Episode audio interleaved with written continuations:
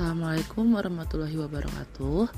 Pada podcast ini, kita akan membahas tentang transaksi yang dilarang di dalam Islam. Jadi, di dalam hukum Islam itu dikenal yang namanya halal dan haram, di mana dua hal ini adalah uh, hukum yang saling bertentangan. Halal adalah um, suatu kondisi atau sesuatu di mana uh, dapat dilakukan atau diperbolehkan menurut hukum Islam. Sedangkan kalau haram adalah sesuatu atau tindakan yang dilarang untuk dilakukan menurut syariat Islam.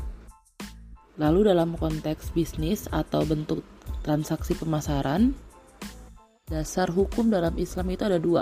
Yang pertama adalah ibadah. Jadi adalah ketika semuanya dilarang kecuali ada ketentuannya dan yang kedua adalah dasar muamalah di mana semua diperbolehkan kecuali ada dalil yang melarangnya. Lalu dalam kaidah fikih penyebab dilarangnya atau diharamkannya sebuah transaksi itu disebabkan karena beberapa hal ya. Yang pertama karena lizat ini atau karena zatnya.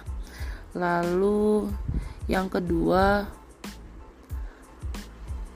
li ghairihi yaitu um, haram karena selain zatnya dan yang ketiga adalah tidak sah karena tidak memenuhi akadnya. Nah, kita bahas yang li zat ini dulu ya atau haram karena zatnya gitu. Jadi maksud dari halam li zatihi ini adalah um, hukum yang digunakan dalam transaksi barang atau jasa yang secara esensi memang dilarang dalam kaidah Islam Contohnya misalnya eh, produk-produk uh, yang mengandung uh, babi, terus um, jual beli minuman keras, lalu juga uh, menjual misalnya kayak daging yang masih ada darahnya, yang mengandung darah atau juga daging yang uh, udah menjadi bangkai seperti itu. Lalu yang kedua adalah li ghairihi atau haram karena selain zatnya.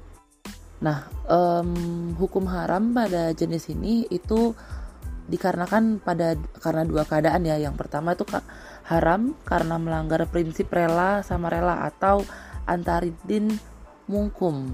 Kalau misalnya dalam sebuah transaksi jual beli itu dia mengandung penipuan atau pemaksaan atau uh, salah satu pihak kayak pembelinya misalnya nggak memperoleh informasi yang sesuai dengan uh, yang dikatakan oleh pembeli eh sorry penjual kayak apa ya eh, nggak uh, jujur lah si penjual ini gitu kan. Lalu yang kedua itu karena dia juga melanggar prinsip latas limuna walatus lamun atau prinsip menzalimi dan dizolimi. Jadi misalnya dalam transaksi tersebut itu dia mengandung uh, tahrir atau garar ya terus ada rekayasa pasar gitu atau ada um, riba, masyir um, dan lain-lain ya gitu. Dan nanti jenis-jenis transaksi yang sudah saya sebutkan tadi akan dibahas di uh, slide-slide selanjutnya. Dan yang ketiga uh, salah satu penyebab dilarangnya atau diharamkannya sebuah transaksi itu adalah karena uh, tidak sempurna akad. Yang kita ketahui ke kalau dalam Islam itu kita wajib saat kita melakukan transaksi jual beli gitu kan uh, kita diwajibkan untuk melaksanakan akad. Misalnya ada kekurangan dalam transaksi akad misalnya kita tidak menjalankan salah satu rukun uh, salah satu hal dalam rukun uh, jual beli tidak memenuhi syarat jual beli gitu kan uh, maka dapat dikatakan kalau transaksi kita itu uh, adalah haram. Nah, kita akan membahas eh, jenis-jenis uh, transaksi yang dilarang da dalam uh, hukum Islam. Nah, yang pertama kita akan membahas tentang riba. Riba itu adalah pertambahan nilai, penambahan nilai, atau di sini bisa dikatakan riba itu artinya tambahan atau pengambilan tambahan, baik dalam transaksi jual beli maupun pinjam meminjam secara batil atau bertentangan dengan prinsip muamalah. Nah, terdapat beberapa jenis riba ya. Yang pertama ada riba fad. Jadi kalau riba fad itu adalah riba yang timbul akibat adanya pertukaran barang sejenis yang tidak memenuhi kriteria sam, uh, kriteria yang sama secara baik itu secara kualitas, kuantitas dan waktu penyerahan. Nah, penyebabnya apa sih terjadinya riba fad ini? Yaitu adanya garar atau ketidakpastian. Contohnya misalnya um, kayak transaksi falas uh, yang dilakukan secara forward. Maksudnya transaksi falas yang dilakukan secara forward ini misalnya nih kayak pembiayaan ekspor dan impor atau jual beli komoditas uh, negara satu negara dengan negara lainnya kayak gitu. Di mana kalau dalam transaksi forward ini misalnya jual beli ini jual belinya itu sudah disepakati hari ini. Tapi pembayarannya akan dilakukan nanti misalnya dalam jangka waktu 6 bulan ke depan. Dan mis atau e, barangnya baru akan dikirim dalam jangka waktu satu tahun ke depan. Kayak gitu. Jadi e, tidak ada kesamaan antara e, kayak e, masa pembayaran masa transaksi dan e, kapan barang itu akan datang Nah, lalu gimana caranya supaya transaksi forward ini diperbolehkan dalam ketentuan Islam? Karena kan berbicara tentang transaksi falas yang e, sifatnya atau dilakukan secara forward ini sebenarnya udah banyak dipraktekkan oleh e, secara ekonomi secara global ya gitu. E, ya yaitu harus ada kontrak perjanjiannya di mana kontrak perjanjian ini harus um, menegaskan misalnya kayak bagaimana kepastian tentang kualitasnya, jumlah jumlah atau kuantitasnya, harganya berapa. Karena kan ini transaksi forward itu kan biasanya kayak meliputi yang namanya nilai tukar mata uang itu kan nilainya nggak tetap ya, flu, pasti fluktuasi gitu. Pasti kayak bulan ini harga 1 US dollar ke rupiah misalnya 14.500 nggak nggak ada yang bisa menjamin 6 bulan kemudian harganya masih sama. Bisa jadi lebih turun atau bisa jadi 13.000 sekian atau bahkan lebih mahal gitu. Jadi harus bisa dipastikan kalau dalam jangka waktu 6 bulan itu dipastikan berapa. Pastikan ada perhitungan risikonya mitigasinya seperti itu. Lalu yang kedua yang terakhir harus dikasih tahu kira-kira barang yang dikirim itu kapan uh, waktu pengiriman barangnya barangnya itu kapan harus dikasih tahu di, akan dikirim pada tanggal berapa bulan berapa bulan apa tahun berapa gitu lalu yang kedua itu adalah riba nasiah Riba nasiah ini adalah riba yang muncul akibat utang piutang yang tidak memenuhi kriteria untung, muncul bersama resiko dan hasil usaha, muncul bersama biaya. Nah, faktor penyebabnya apa nih? Kalau misalnya ada faktor uh, return tanpa risiko biasanya ini terjadi pada produk-produk keuangan ya produk perbankan produk koperasi atau produk asuransi kayak gitu. Uh, tidak uh, karena adanya pengembalian tanpa risiko. Lalu juga karena adanya pendapatan tanpa biaya. Logikanya gitu kan yang namanya uh, pengembalian itu setiap berapa tingkat pengembalian itu pasti ada risikonya dia jadi seorang misalnya nih agen asuransi ketika dia ingin menjual produk asuransinya dia nggak nggak bisa ngomong menjamin uh, atau me memberi jaminan kalau uh, apa namanya misalnya pengembalian jasa asuransi yang mereka uh, dapatkan calon pelanggan ini dapatkan calon nasabah ini dapatkan akan tanpa risiko. Jadi harus benar-benar uh, disampaikan secara real, secara uh, terbuka, transparan seperti itu. Jadi kira-kira nanti kalau misalnya kayak kalau misalnya berbicara tentang asuransi gitu kan, itu kan pasti ada uh, polis ya. Polisnya itu kalau misalnya polisnya berapa per bulan, nanti benefitnya kalau atau misalnya ada kecelakaan amit-amit ya kecelakaan terjadi sama si calon nasabah ini uh, dalam konteks kecelakaan yang bagaimana nih? Atau bisakah dalam semua konteks kecelakaan? Ataukah misalnya uh, cuman bisa diklaim kalau misalnya dia itu adalah kecelakaan yang tidak sengaja? Atau um, karena penyakit uh, keras seperti itu? Harus dijelaskan secara rinci kayak gitu jangan sampai nanti ketika asuransi itu diklaim calon uh, nas pelanggan ini nggak bisa ngeklaim asuransinya. Nggak dapet uh, apa namanya benefit atau yang uh, manfaat yang udah dijanjikan sama si agen penjual asuransi ini gitu. Lalu yang terakhir adalah riba jahiliyah. Riba jahiliyah ini adalah utang yang dibayar melebihi dari pokok pinjaman karena si peminjam tidak mampu mengembalikan sesuai dengan jatuh temponya kalau ini biasanya terjadi sama lintah. Ini ya kalau misalnya kita meminjam sama lintah darat. Atau ya bisa jadi kayak meminjam sama lembaga-lembaga kredit uh, cicilan kredit ya seperti itu. Di mana kadang-kadang uh, tingkat pengembalian pinjaman itu sangat tidak masuk akal atau uh, sangat tinggi ya. Jadi kira-kira misalnya nih kayak minjem 10 juta pengembaliannya tuh sampai 16 juta jadi kayak mereka harus membayar 60% untuk biaya uh, pinjamannya tadi gitu kan. Itu kan eh, nggak uh, masuk akal gitu loh. Lalu kita membahas tentang ini ada beberapa um, ayat dan hadis yang membahas tentang perintah larangan riba.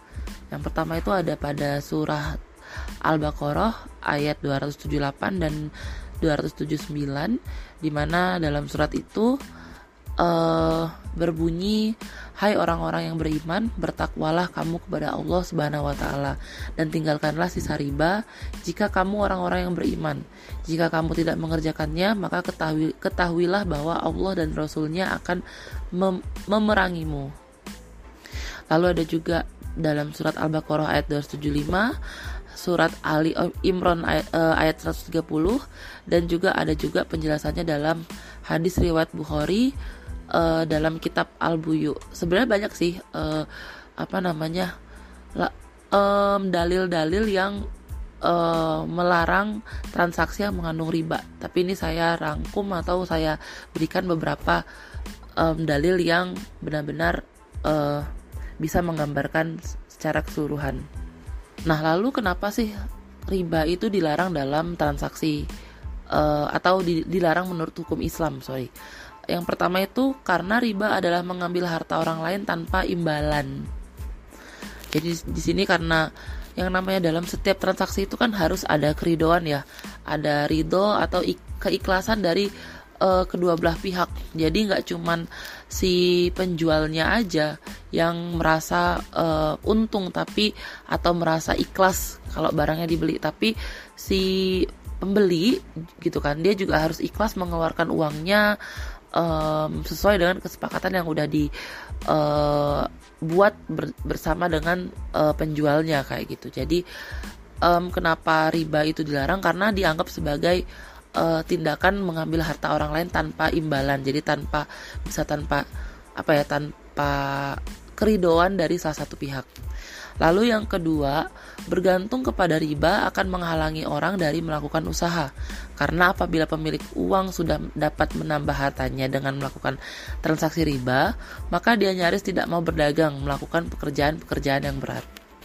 Jadi riba ini kelanjutannya akan um, membuat atau atau mempengaruhi seseorang yang udah melakukan riba ini jadi nggak mau usaha yang lebih berkah gitu loh. Jadi kayak uh, kayak mereka di mindset mereka tuh kayak ngapain aku harus susah-susah um, bikin produksi atau misalnya menjajakan dagangan ke ke orang-orang kalau aku bisa dapat uang lebih banyak dengan cara seperti ini.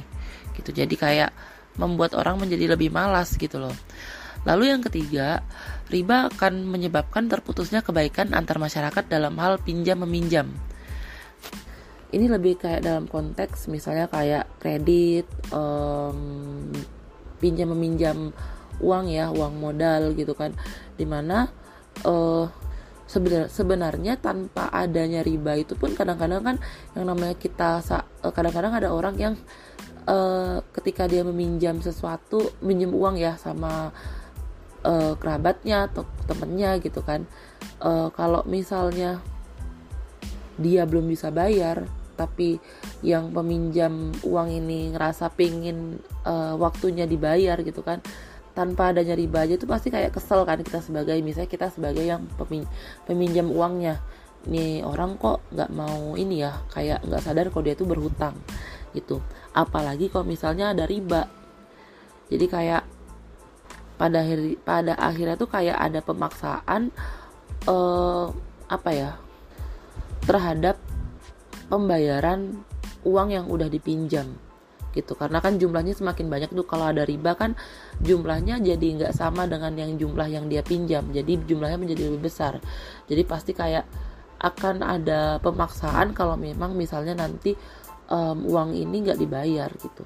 Lalu yang keempat umumnya orang yang memberikan pinjaman adalah orang kaya sedangkan yang meminjam adalah orang miskin. Nah jadi kalau pada konteks ini pada akhirnya um, apa namanya akan selalu ada orang kaya makin kaya orang miskin makin miskin karena um, otomatis yang akan minjemin uang tuh orang yang punya uang terus yang punya uang banyak aja. Orang miskin ya pasti uh, hartanya akan tergerus karena dia bayarnya pasti bersama uh, apa namanya pin, uh, yang dia bayar tuh nggak cuma pinjaman tapi bunganya juga gitu namun di sisi lain ada beberapa alas, alasan pembenaran kenapa riba itu boleh dilakukan.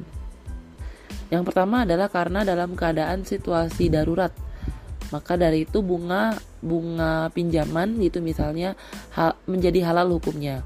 Itu karena misalnya diperbolehkan jika suatu keadaan di mana jika seseorang tidak segera melakukan sesuatu sesuatu tindakan dengan cepat maka akan membawanya pada kehancuran atau kematian. Ini terkandung pada surat Al-Baqarah ayat 173 di mana e, berisi barang siapa dalam keadaan terpaksa memakannya sedang dia tidak mengikannya dan tidak pula melampaui batas maka tidak ada dosa baginya sesungguhnya Allah Maha Pengampun lagi Maha Penyayang.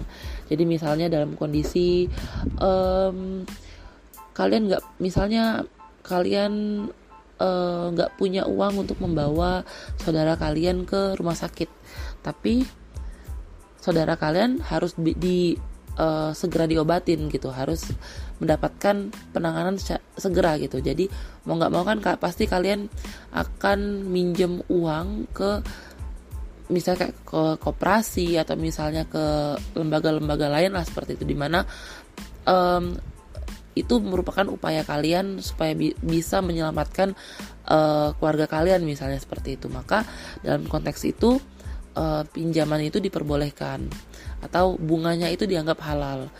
Lalu yang kedua hanya bunga yang berlipat ganda saja dilarang sedangkan bunga yang wajar dan tidak menzalimi itu diperbolehkan.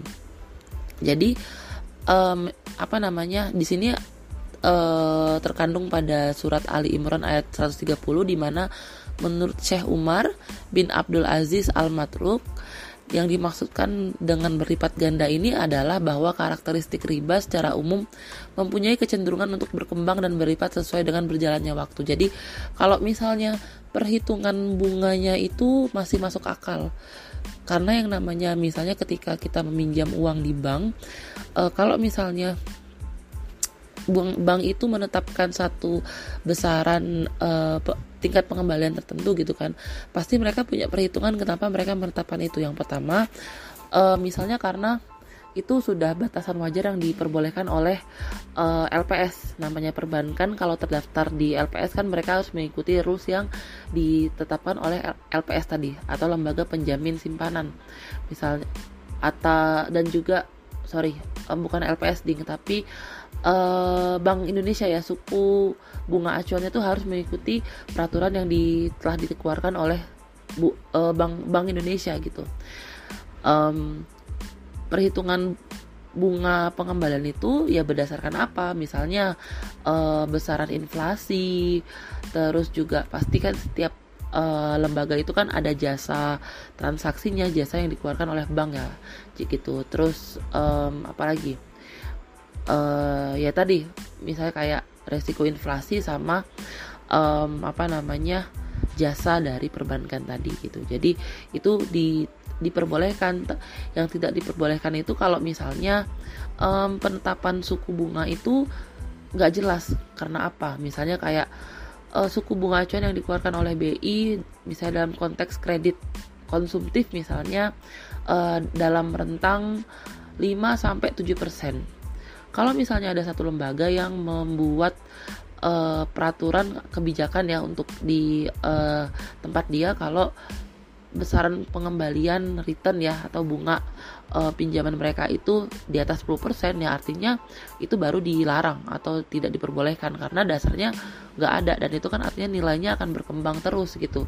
Semakin lama kredit pinjamannya akan semakin bertambah atau berkembang sekali nilainya kayak gitu lalu yang ketiga pada saat ayat tentang larangan riba turun, belum ada bank atau lembaga keuangan lainnya yang hanya adalah individu-individu. Sehingga dengan demikian bank konvensional tidak terkena hukum taklif karena pada saat ayat turun keberadaannya belum ada. Ini jarang terjadi ya, gitu. Lalu ada beberapa dampak riba yang um, bisa terjadi. Uh, yang pertama itu adalah um, dampak riba terhadap pribadi perilaku pelaku riba. Misalnya kayak contohnya kayak lintah darat ya. Karena kan dia kalau meminjamkan uang tuh pasti nilai pengembaliannya akan berlipat-lipat ganda gitu. Salah satu penyebabnya ini ada riset yang pernah dilakukan oleh dosen fakultas kedokteran di Mesir di mana beliau menyatakan bahwa riba merupakan salah satu penyebab timbulnya penyakit gangguan jantung Lalu yang kedua, dampak riba terhadap kehidupan masyarakat, di mana pasti akan ada timbulnya ketakutan, penindasan, dan tidak jarang perampasan harta oleh pelaku riba. Lalu yang ketiga, dampak riba terhadap ekonomi. Yang pertama, riba itu bisa merusak sumber daya manusia. Yang tadi sudah saya sampaikan bahwa karena orang satu orang udah keenakan melakukan atau menjadikan transaksi jual beli itu menjadi uh, ininya eh sorry transaksi pinjam meminjam dengan suku bunga itu menjadi um, penghasilannya maka itu akan membuat orang menjadi malas ya dia nggak mau berusaha mencari rezeki yang barokah lalu yang kedua riba penyebab utama terjadinya inflasi. Ini bisa jadi juga bisa ter, terjadi juga. Misalnya kayak ada satu pedagang yang butuh tambahan modal untuk usahanya gitu di mana kalau dia minjem ke satu lembaga atau uh, ke satu orang gitu kan pasti kan misalnya uh, kayak gitu kan ada tambahan biaya pengembaliannya dia gitu kan di mana pasti nanti tambahan biaya ini akan di, dibebankan juga ke uh, harga jual produk dia gitu. Kalau misalnya uh, dia meminjam pada lembaga yang salah orang yang salah artinya semakin besar lah uh, beban apa ya beban pe apa ya beban penambahan harga pada produk dia gitu. Jadi artinya akan ada selisih yang menjadi lebih uh, sangat jauh ya menjadi sangat jauh antara produk dia dengan produk-produk lain. Jadi artinya nanti produk yang dia jual tuh harganya menjadi sangat mahal orang-orang jadi nggak bisa beli barang dia gitu Lalu yang ketiga, riba menciptakan kesenjangan sosial. Ini tadi jelas ya yang tadi bahwa yang bisa melakukan jual uh, sorry pinjam meminjam tadi cuman orang-orang punya uang aja. Lalu yang keempat, riba faktor utama menjadi uh, terjadi terjadinya krisis ekonomi global. Ini lanjutan dari kalau misalnya inflasi tadi tidak terkendali, artinya kalau semakin banyak orang-orang yang melakukan uh, atau meminjam uangnya karena uh, sorry mengembangkan usahanya dari pinjaman-pinjaman yang nggak terkontrol ini gitu kan pada akhirnya kalau misalnya terjadi inflasi secara terus menerus ya akan menjadi krisis satu wilayah bisa jadi krisis negara bahkan krisis global lalu yang kelima riba menghambat laju pertumbuhan ekonomi Lalu selanjutnya kita masuk ke penjelasan tentang garar atau ketidakpastian. Nah, garar ini bisa diartikan atau didefinisikan sebagai situasi di mana terjadi ketidaklengkapan informasi karena adanya ketidakpastian dari kedua belah pihak yang bertransaksi. E, dalam garar juga terjadi pada empat hal, yaitu dalam hal kualitas, kuantitas, harga, dan waktu penyerahan. Jadi dia kayak contoh dari riba fad tadi ya um, larangan tentang tentang transaksi garar ini disampaikan di dalam hadis riwayat riwayat Abu Hurairah di mana Rasulullah melarang jual beli al hasyash dan jual beli garar. Lalu dalam hadis lain Rasulullah Shallallahu Alaihi Wasallam bersabda Rasulullah Shallallahu Alaihi Wasallam telah mencegah kita dari melakukan jual beli dengan cara lemparan batu kecil dan jual beli dagang secara garar. Nah, ada tiga macam bentuk jual beli garar. Yang pertama, jual beli garar yang dilarang. Nah, da, menurut Ibnu Taimiyah ada tiga macam ya jual beli garar yang dilarang. Yang pertama, jual beli yang tidak ada barangnya. Misalnya adalah e, menjual anak hewan yang masih di dalam kandungan. Ini ada di dalam e, hadis ri, riwayat Bukhari dan Muslim di mana Ibnu Umar mengatakan bahwa Rasulullah Shallallahu alaihi wasallam melarang menjual anak dari anak yang berada dalam perut unta. Karena kan kenapa ini dilarang? Karena pertama nggak tahu anak unta ini akan lahir kapan. Lalu yang kedua, nggak tahu apakah emang anak unta ini nantinya kalau lahir ini akan sehat, tumbuh sehat, atau malah begitu lahir mati dia. Gitu. Jadi nggak ada kepastian dan nggak ada barangnya juga gitu. Lalu yang kedua, jual beli barang yang tidak bisa diserah terimakan, misalnya seperti jual beli manusia ya, jual beli tenaga bukan tenaga tenaga manusia sih tapi kayak jual beli tenaga kerja kayak gitu. Lalu yang ketiga, jual beli barang yang tidak diketahui hakikat, hakikatnya sama sekali atau bisa diketahui tapi tidak jelas jenisnya atau kadarnya. Misalnya kayak jual beli tanah tapi nggak tahu tuh luasnya berapa, lebarnya berapa gitu kan. E, nggak ada nggak menyertakan misalnya surat keterangan um, luas dari tanah itu berapa gitu. Lalu yang kedua uh, bentuk jual beli garar yang kedua itu adalah jual beli garar yang diperbolehkan. Nah, misalnya kayak contoh jual beli rumah ya. Uh, kalau dalam jual beli rumah itu misalnya um, yang jelas informasi yang harus disampaikan itu kan seperti kayak luas rumahnya berapa, jumlah kamarnya berapa, uh, keadaan rumahnya misalnya seperti apa. Tapi misalnya nih um, kayak tinggi pondasinya berapa, tinggi tiangnya berapa uh, itu nggak perlu dikatakan disampaikan oleh kepada uh, calon pembeli gitu. Karena memang namanya tinggi pondasi um, apa namanya tinggi atapnya misalnya seperti itu itu adalah satu kesatuan kayak gitu. Lalu bentuk yang ketiga adalah jual beli garar yang masih diperselisihkan.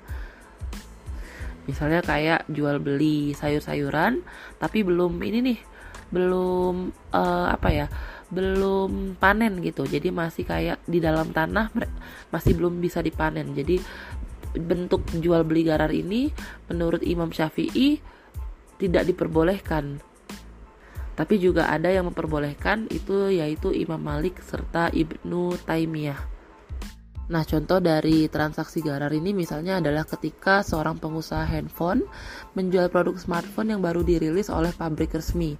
Padahal smartphone ini baru dipamerkan prototipenya aja. E, lalu dengan semangat dan beraninya pengusaha tersebut langsung memasang iklan e, smartphone itu dengan lengkap dan spesifikasinya, harga dan kelebihannya dan juga mengadakan transaksi pre-order di mana produk tersebut tidak bisa digunakan langsung oleh pembeli dan tidak ada kejelasan kapan produk akan dikirim. Jadi di sini ada ketidakpastian karena kalau secara mungkin kalau harga sama speknya udah tahu ya, tapi kan nggak ada kepastian kira-kira kapan barang ini akan ready di pasar, akan dikirimkan kepada konsumen tuh kapan gitu.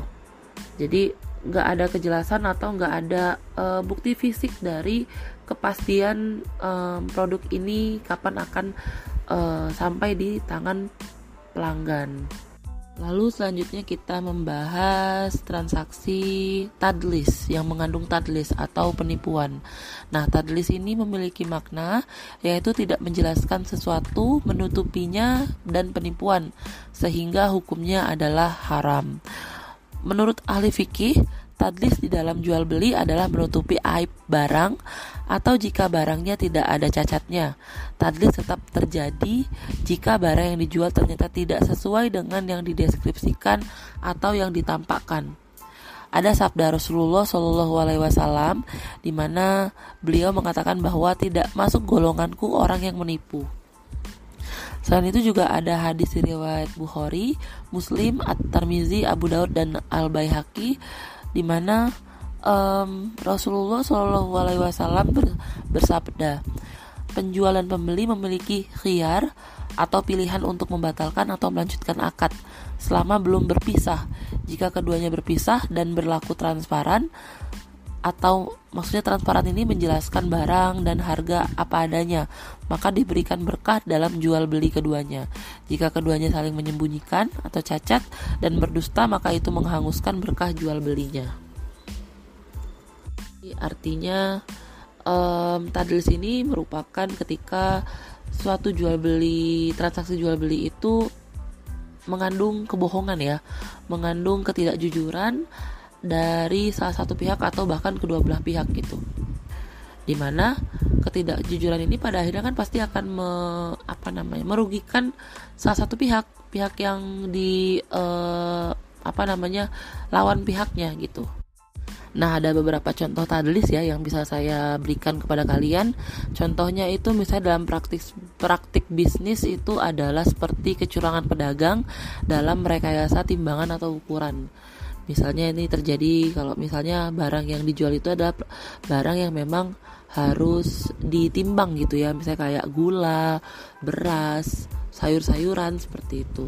Jadi kayak uh, pedagangnya tuh kayak mungkin memainkan baris di timbangannya atau memberatkan timbangannya seperti itu. Lalu ada juga misalnya contoh tadlis dalam hal kualitas, misalnya menyembunyikan atau mendesain produk cacat sehingga menjadi tampak lebih bagus. Ini juga nggak boleh ya. E, misalnya kayak jual beli HP second gitu kan jadi biar HP-nya kelihatan lebih bagus HP-nya dipermak gimana caranya supaya uh, tampilannya menjadi lebih uh, baru kayak gitu. Itu juga tidak diperbolehkan. Lalu yang ketiga contoh tadlis dalam konteks uh, tadlis harga yaitu pada pengenaan tarif yang lebih mahal bagi turis yang tidak mengetahui kondisi pasar.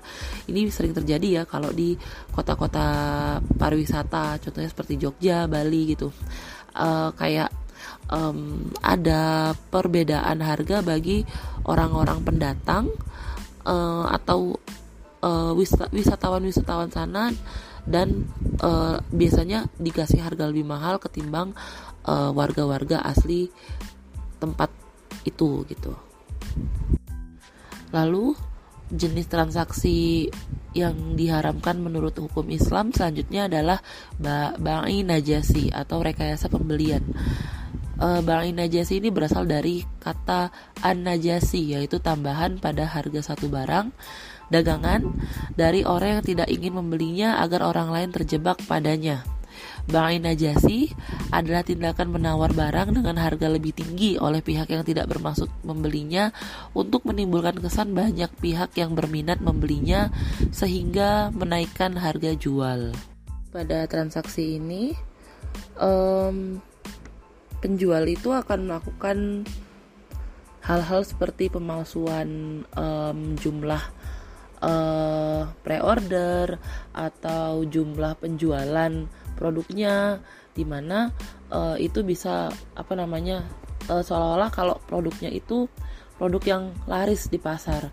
Jadi ketika dia udah bisa apa ya mempengaruhi konsumen kalau produk dia ini laris di pasar gitu kan dia bisa menaikkan harga produknya dan konsumen menjadi ter terpedaya dengan uh, strateginya dia tadi. Kalau pada transaksi um, lain contoh dari uh, Mbak Inajasi ini misalnya kayak transaksi jual beli saham ya.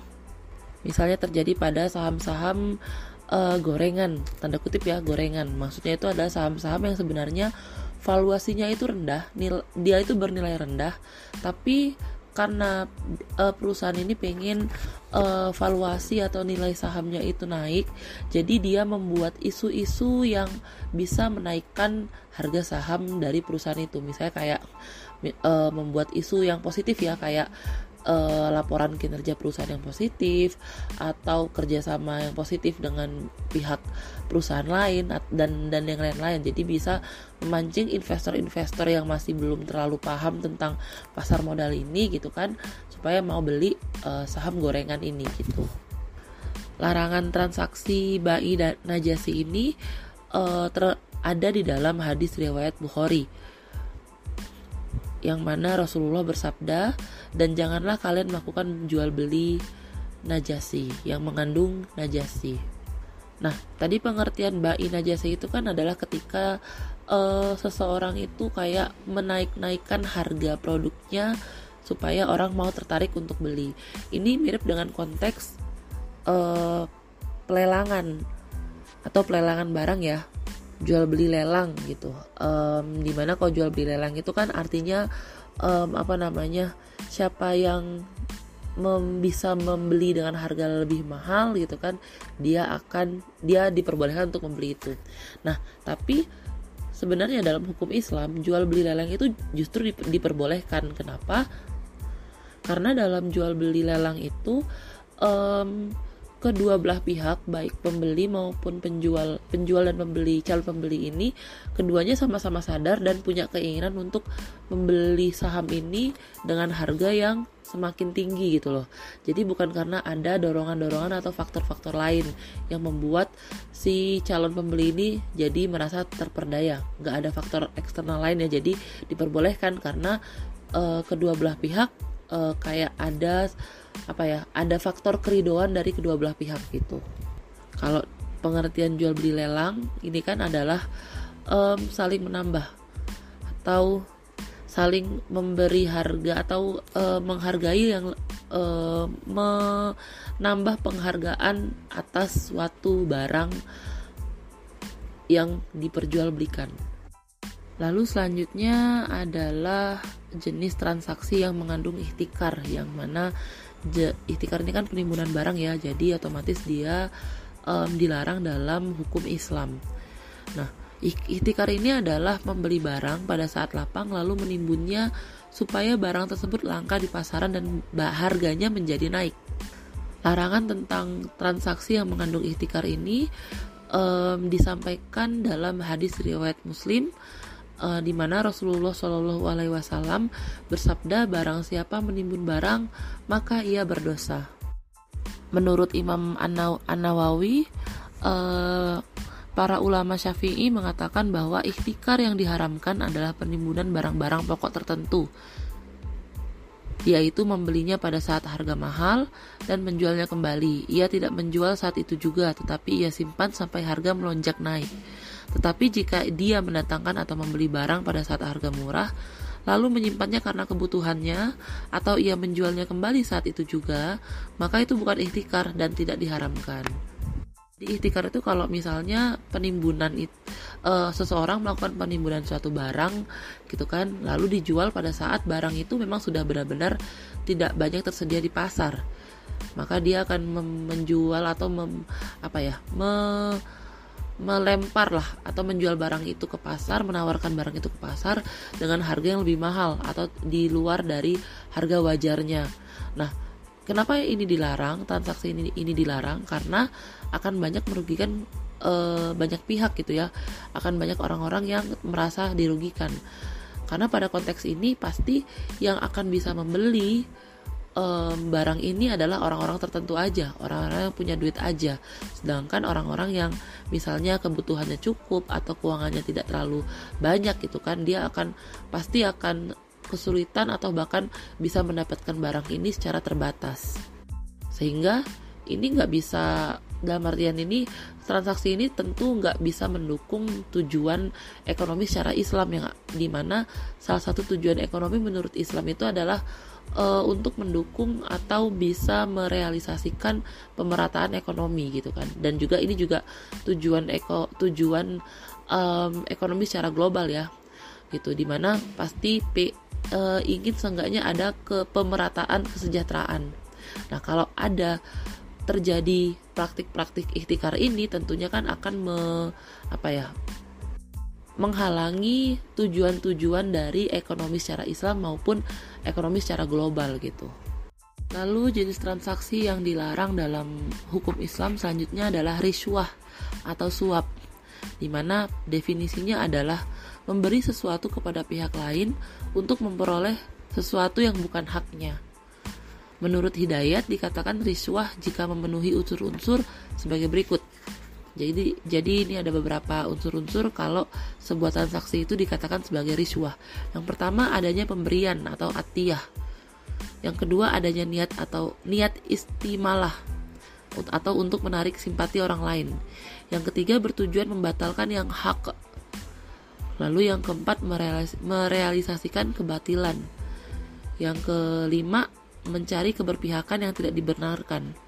Selanjutnya mendapatkan kepentingan yang bukan menjadi haknya dan yang terakhir memenangkan perkara.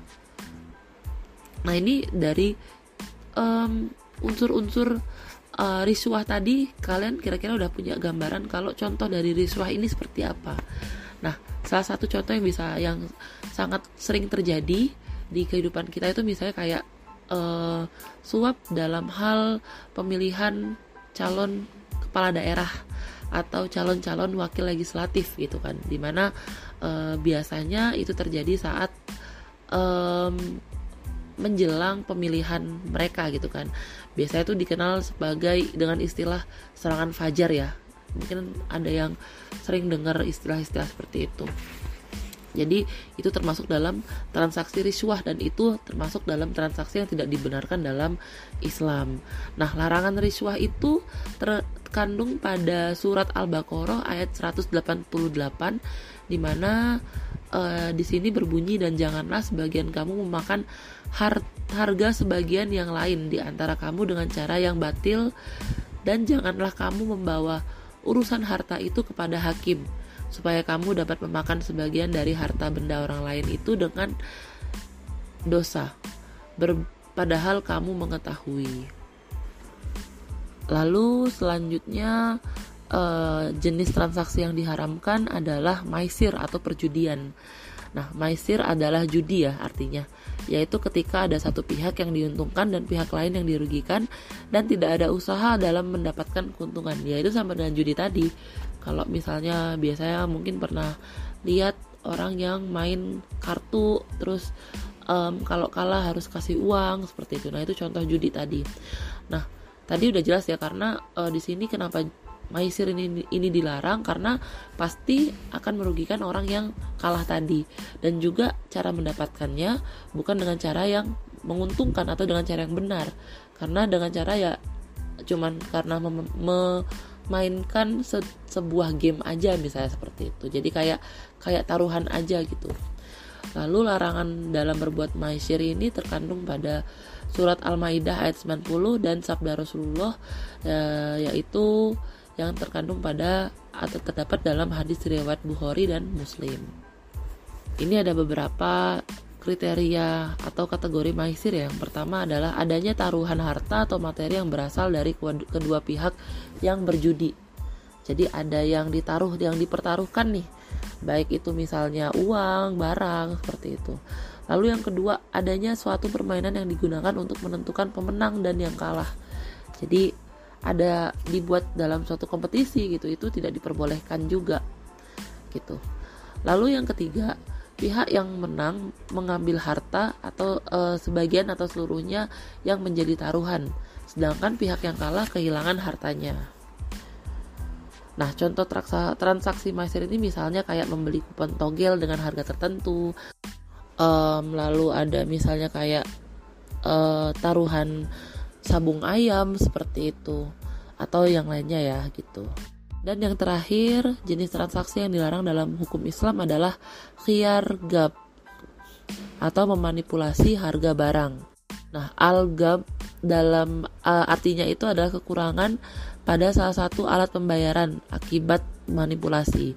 Dengan demikian, al-gab dapat didefinisikan sebagai kekurangan pada harga saat menjual dan membeli. Kekurangan ini bisa dialami uh, oleh pihak pembeli maupun penjual ya. Jadi bila dialami oleh pihak pembeli, maka kekurangan harga ini maksudnya harga yang dibayar tidak setara atau tidak sesuai dengan nilai barang yang diterima. Dengan kata lain harganya terlalu tinggi. Lalu bila ditinjau dari pihak penjual, maksudnya harga yang diterima tidak sebanding dengan nilai barang yang sebenarnya. Larangan berbuat khiar ini tertera pada um, hadis menurut Abu Hurairah di mana sesungguhnya Rasulullah Shallallahu alaihi wasallam melarang umatnya mencegat orang yang membawa barang dagangan dari luar kota seperti Makelar. Apabila yang melakukan pencegatan itu sekaligus pembeli, lalu ia membeli barang mem langsung membeli barang itu, maka pemilik barang memiliki hak pilih apabila sampai pasar. Nah, contoh dari kiar gap ini biasanya kayak um, ini ya uh, praktik makelar seperti itu lalu praktik-praktik manipulasi uh, misalnya pada pembuatan laporan SPJ misalnya seperti itu di mana kan uh, kalau ada kegiatan kita kan harus melampirkan detail-detail uh, um, apa namanya pengeluaran di mana kan pasti harus melampirkan bukti bukti pembelian bukti pembayaran seperti itu. Kalau misalnya bukti yang dilampirkan itu jumlah jumlah besarannya itu nggak sesuai dengan realnya yaitu termasuk dalam kiar gap gitu um, nah demikian penjelasan saya tentang jenis-jenis transaksi yang dilarang dalam hukum Islam jika ada pertanyaan mengenai materi hari ini bisa disampaikan ke grup kelas dan akan saya respon uh, di sana juga. Oke, uh, baiklah terima kasih atas perhatiannya. Wassalamualaikum warahmatullahi wabarakatuh.